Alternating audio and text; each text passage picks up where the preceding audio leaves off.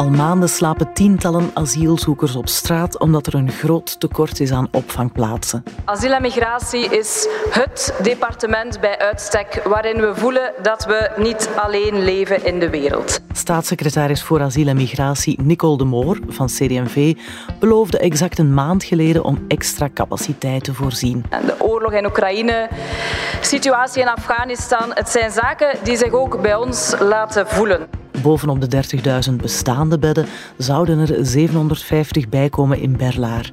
Die zijn eind vorige week in gebruik genomen. Maar zal die noodoplossing volstaan en zo ja, voor hoe lang? En wat zijn de lange termijnplannen van staatssecretaris De Moor? Het is maandag 8 augustus. Ik ben Marianne Justaert en dit is vandaag de dagelijkse podcast van de Standaard.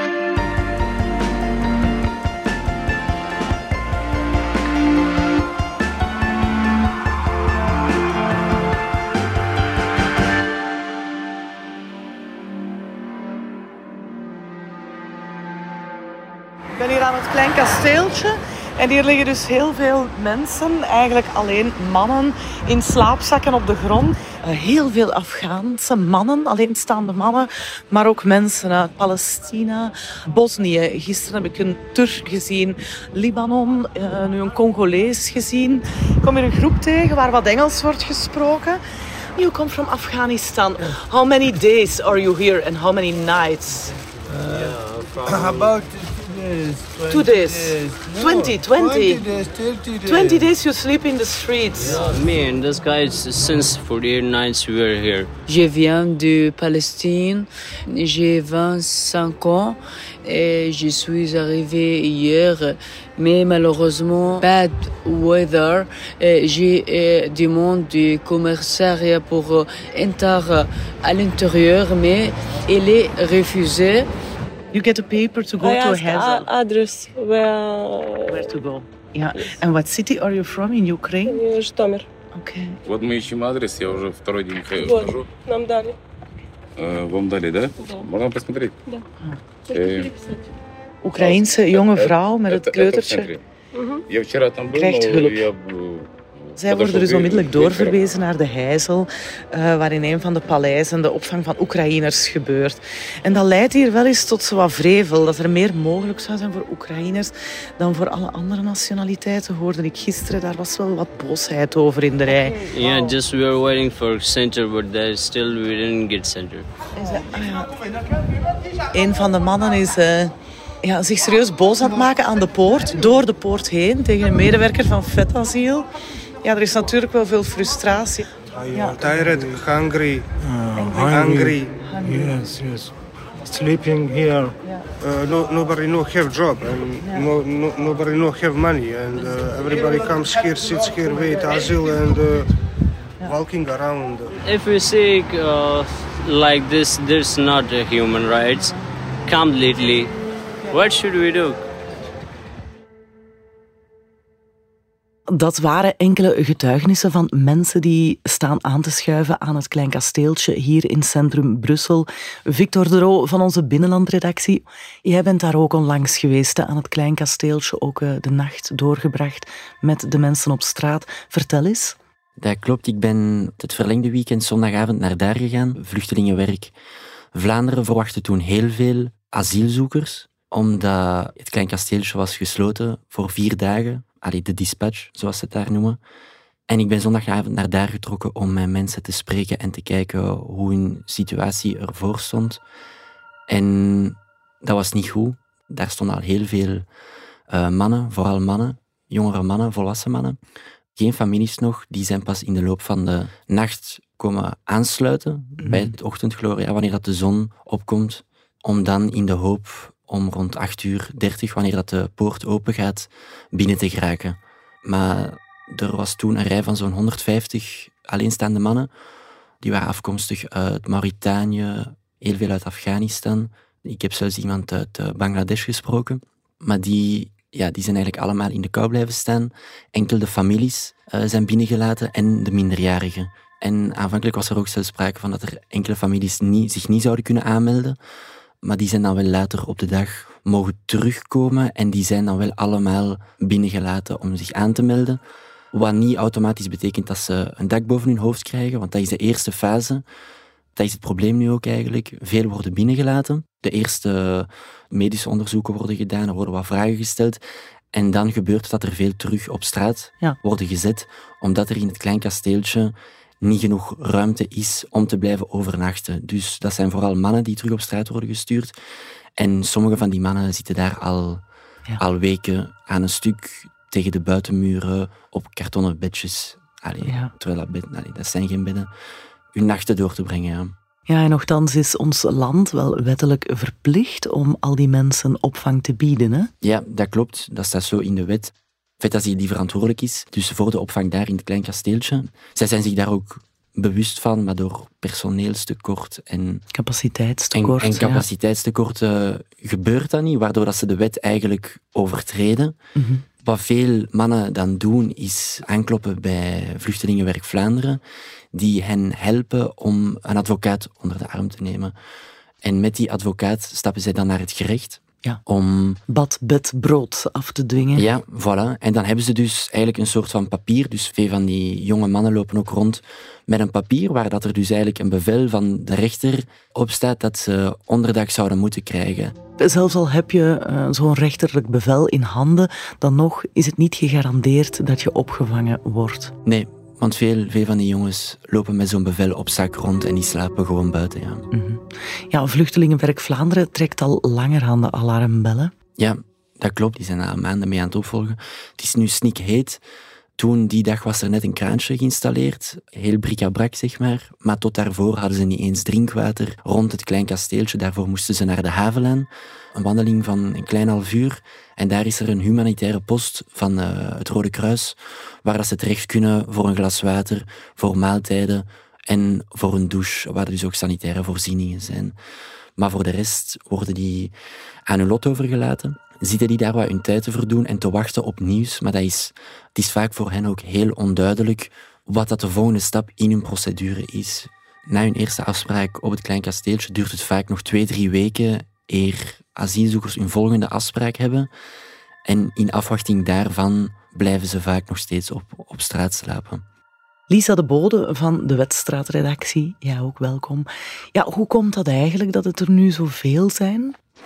Dus die aantallen zijn de laatste jaren gestaag blijven groeien. Dat heeft te maken met verschillende factoren. Enerzijds heb je natuurlijk de grote factor waar iedereen van op de hoogte is, dat is de oorlog in Oekraïne. En daarnaast ook nog een aantal andere oorlogen en crisissen op het wereldtoneel, waardoor er nu of, of mensen blijven komen.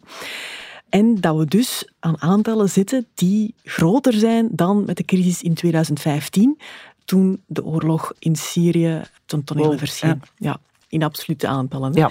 Want er is een verschil tussen het statuut van Oekraïners en, en asielzoekers. Maar dus, dat zijn daadwerkelijk hele grote aantallen. Los daarvan zegt Dirk van den Bulk, dus de commissaris-generaal van het commissariaat, dat België een aantrekkelijkere bestemming is dan enkele buurlanden. Dat zou liggen aan een leefloon dat mensen hier kunnen krijgen, dat bijvoorbeeld niet beschikbaar is in een land als Griekenland of in Italië. Ah, ja. Of een groeipremie, de eventuele kindergeldbijslag dat gegeven wordt aan eh, minderjarige vluchtelingen. Dus eh, andere mensen zeggen van ja, kijk, voor- die these is er eigenlijk niet zo heel veel bewijs. Familie is een aantrekkingskracht, maar leefloon of groeipremies hebben niet zo heel veel invloed.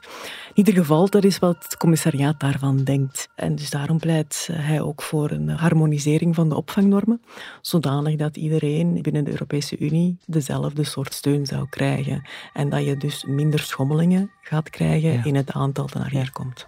Dan is er ook een, een groot probleem met de uitstroom. Er zijn mensen vast in het opvangnetwerk die maar heel moeilijk daarna een ander onderkomen vinden. En als mensen daar vastzitten, dan zijn er minder plaats beschikbaar ook voor de mensen die naar hier komen. Ja, ze blijven daar te lang eigenlijk in de... Ja, ja, die doorstroom is moeilijk, uitstroom is moeilijk. En eh, los daarvan, de diensten ook met een hele grote achterstand van de dossiers die behandeld moeten worden. Dat zijn er nu meer dan 16.000, de achterstand. Het kabinet heeft gezegd dat er eh, nu duizend dossiers sneller zijn afgehandeld dan voorheen. Dus de achterstand wordt langzaam weggewerkt. Ja, maar we zijn er. Als dat tempo aangehouden kan worden. Ja. Het kabinet is het kabinet van de nieuwe staatssecretaris Nicole de Moor, de vroegere kabinetchef van ja, haar voorganger Sami Medi. Sfeer, vertrouwelijkheid aan de code, gehoorzaamheid aan de grondwet en aan de wetten van het Belgische volk. Wat gaat zij eraan doen? Dus eerst en vooral is er de aankondiging geweest van de extra plaatsen, extra opvangcentrum dat gecreëerd wordt. Met de hulp van Defensie is er een nieuwe site in Berlaar waar 750 plaatsen gecreëerd worden. Mm En nooddorp of zo. Zoiets. Uh, Dus die eerste plaatsen worden nu druppelsgewijs geopend. Het is niet zo dat er in één klap 750 bij zijn, maar het is de bedoeling dus dat de capaciteit daar dus wordt opgeschaald naar de 750. Ja. Er zijn uh, een 30.000 al opvangplaatsen, nu komen er 750 bij. Zal dat volstaan? Als ik Victor hoorde, dan uh, lijkt dat maar een druppel op een hete plaat te zullen zijn. Wel, nu hebben we ongeveer zo'n 30.000 opvangplaatsen. Dat is twee keer zoveel als de capaciteit voor de oorlog in Syrië uitbrak. In geen twintig jaar tijd is ook de nood aan opvang zo groot geweest. Een deel van die plaatsen hadden eigenlijk bufferplaatsen moeten zijn, zijn bufferplaatsen, maar die zitten nu al helemaal vol. Dat zijn er zo'n 5400. Dus die 750 extra die er vanaf deze maand bijgecreëerd gaan worden in Berlaar, op de defensie zitten, dat zijn er niet zo heel veel. Dus de kans is groot dat dat inderdaad niet zal volstaan. En vanaf wanneer slaapt dan niemand nog op straat? Kan de staatssecretaris of durft de staatssecretaris daar uh, iets over zeggen? Die vraag heb ik herhaaldelijk gesteld en daar komt geen antwoord op. De Moor mikt ook op structurele oplossingen, zegt ze. We hebben de voorbije twee jaar al tal van maatregelen genomen om de situatie te verbeteren, zowel op de korte als op de lange termijn. Er werd geïnvesteerd in een snellere dossierbehandeling door een historische personeelsversterking en er werden ook bijkomende opvangplaatsen gecreëerd. En we hebben met deze regering ook de stap gezet naar een structureel bufferbeleid in plaats van het jojo-beleid uit het verleden. De focus ligt daar heel erg op sneller beslissingen nemen in dossiers. Als die eh, capaciteit naar boven kan, zoals ik daar juist zei, dan kunnen er ook sneller mensen uitstromen en is er sneller meer plaats voor mensen die het nodig hebben. Dus het is echt de bedoeling dat het commissariaat-generaal, dat daar um, die beslissingen sneller genomen kunnen worden. Dat is één pijler. Nu, om dat te kunnen doen, heb je ook snellere procedures nodig. In veel gevallen, daar wordt ook naar gekeken. De audit is momenteel af om te kijken naar of er winst geboekt kan worden in die procedures. En of er al heel snel gezegd kan worden van ja, die persoon heeft inderdaad bescherming nodig of die persoon, die aanvraag is manifest ongegrond. En dan zijn er nog zaken zoals uh, de logistieke ondersteuning daarvan. Dus digitalisering van het departement moet verder gezet worden. Als je natuurlijk in één departement een dossier moet uitprinten en dan nog eens inscannen om het op die manier te kunnen doorsturen naar de collega, dan kun je je voorstellen dat ja, er dat klinkt zo typisch dagen, Belgisch. ja, ja, voilà, aan, aan het proces worden toegevoegd. Ja. Dus ja, dat zijn al drie uh, pijlers van het beleid. Ja, en dan is er nog uh, het probleem dat er veel mensen die hier aankomen, elders al in Europa, een aanvraag hebben ingediend en dus al een Eurodac-hit hebben. Dat wil zeggen dat zij in die database, in de Eurodac-database al voorkomen. Uh, maar dan toch beslist hebben om door te reizen naar België. Zo'n mensen wil de regering nu sneller kunnen terugsturen, dus volgens de Dublin-regeling, dus naar het eerste land in Europa waar zij asiel hebben aangevraagd. En daarnaast zullen er maatregelen genomen worden om te komen tot een efficiënte manier om te werken aan de terugkeer van deze personen. De COVID-crisis is bijna achter de rug en we moeten alles in het werk stellen om te komen tot een adequatere overdracht in het kader van de Dublin-verordening. De regels zijn er, ze zijn duidelijk en ze moeten gevolgd worden. En daarvoor wordt er een centrum opgericht in Zaventem, specifiek om die mensen uit de centra te halen elders in België en ze te centraliseren in Zaventem, ja. waar zij teruggestuurd worden, worden. naar het eerste land Correct. waar zij een voet aan wal hebben gezet in Europa. Ja, een aanvraag hebben gedaan, correct, ja. ja. We gaan er even uit voor een korte boodschap. Hey, luisteraar. Ik wil je niet storen hoor. Nee, integendeel. Ik wil gewoon even zeggen dat ik heel blij ben dat je een momentje voor jezelf neemt. Ma, ik ben thuis, hè. Het leven is al druk genoeg soms. Wat gaan we eten? Ja, schatje, ik kom ze bied. Ik moet eerst nog even iets afwerken. Oké. Zeg, iedereen verdient een momentje voor zichzelf. En net zoals dat jij van je podcast geniet, geniet ik om even verder te werken aan mijn Lego-bouwwerk. Misschien ook iets voor jou?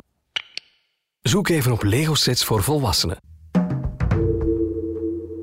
België staat niet alleen, hè. ook in Nederland, Duitsland, uh, zelfs in Frankrijk naar verluid, al is het daar officieel niet het geval, maar volgens de hulporganisaties wel. In al die buurlanden worstelt men ook met een uh, verhoogde instroom en de bijhorende opvangcrisis. Hè. Dat is juist. We zijn daar zeker niet alleen in. De tendens is inderdaad de laatste jaren, zelfs mensen die al asiel hebben gekregen in andere landen, die dan uh, toch nog naar uh, een land meer noordelijk trekken. In, uh, in, Nederland is het ook zo dat uh, een organisatie, Vluchtelingenwerk Nederland, naar de rechter is getrokken om daar aanklacht te doen over de gang van zaken. Dus daar kampen zij ook met een grote asielcrisis. Ja. Trouwens, ook hier eventjes ook duiden, hier worden er per dag zo'n 30 à 50 eenzijdige verzoekschriften ingediend van mensen die opvang hadden moeten krijgen en die niet gekregen hebben. En dus het aantal dwangsommen loopt gestaag op. Die dwangsommen, om hoeveel geld gaat het dan? Wel, uh, momenteel zijn er 1254 veroordelingen. Meer dan dat zelfs, dat is het cijfer dat ik kreeg op, uh, mm-hmm. per 25 juli.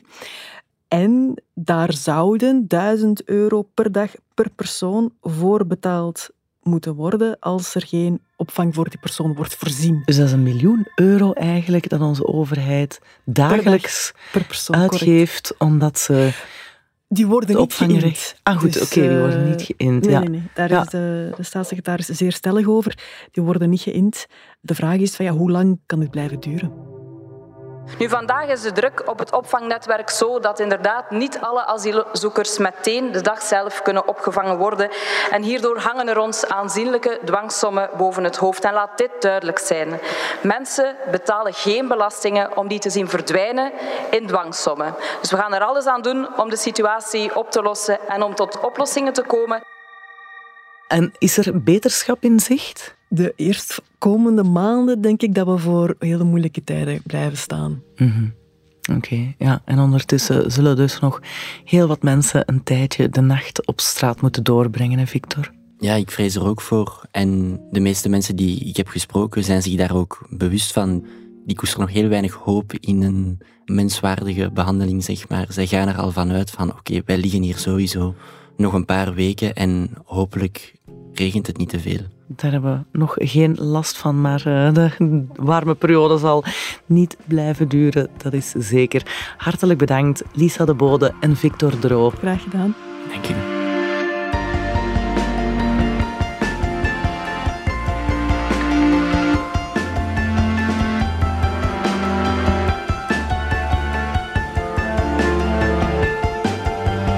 Dit was vandaag de dagelijkse podcast van de Standaard. Bedankt voor het luisteren.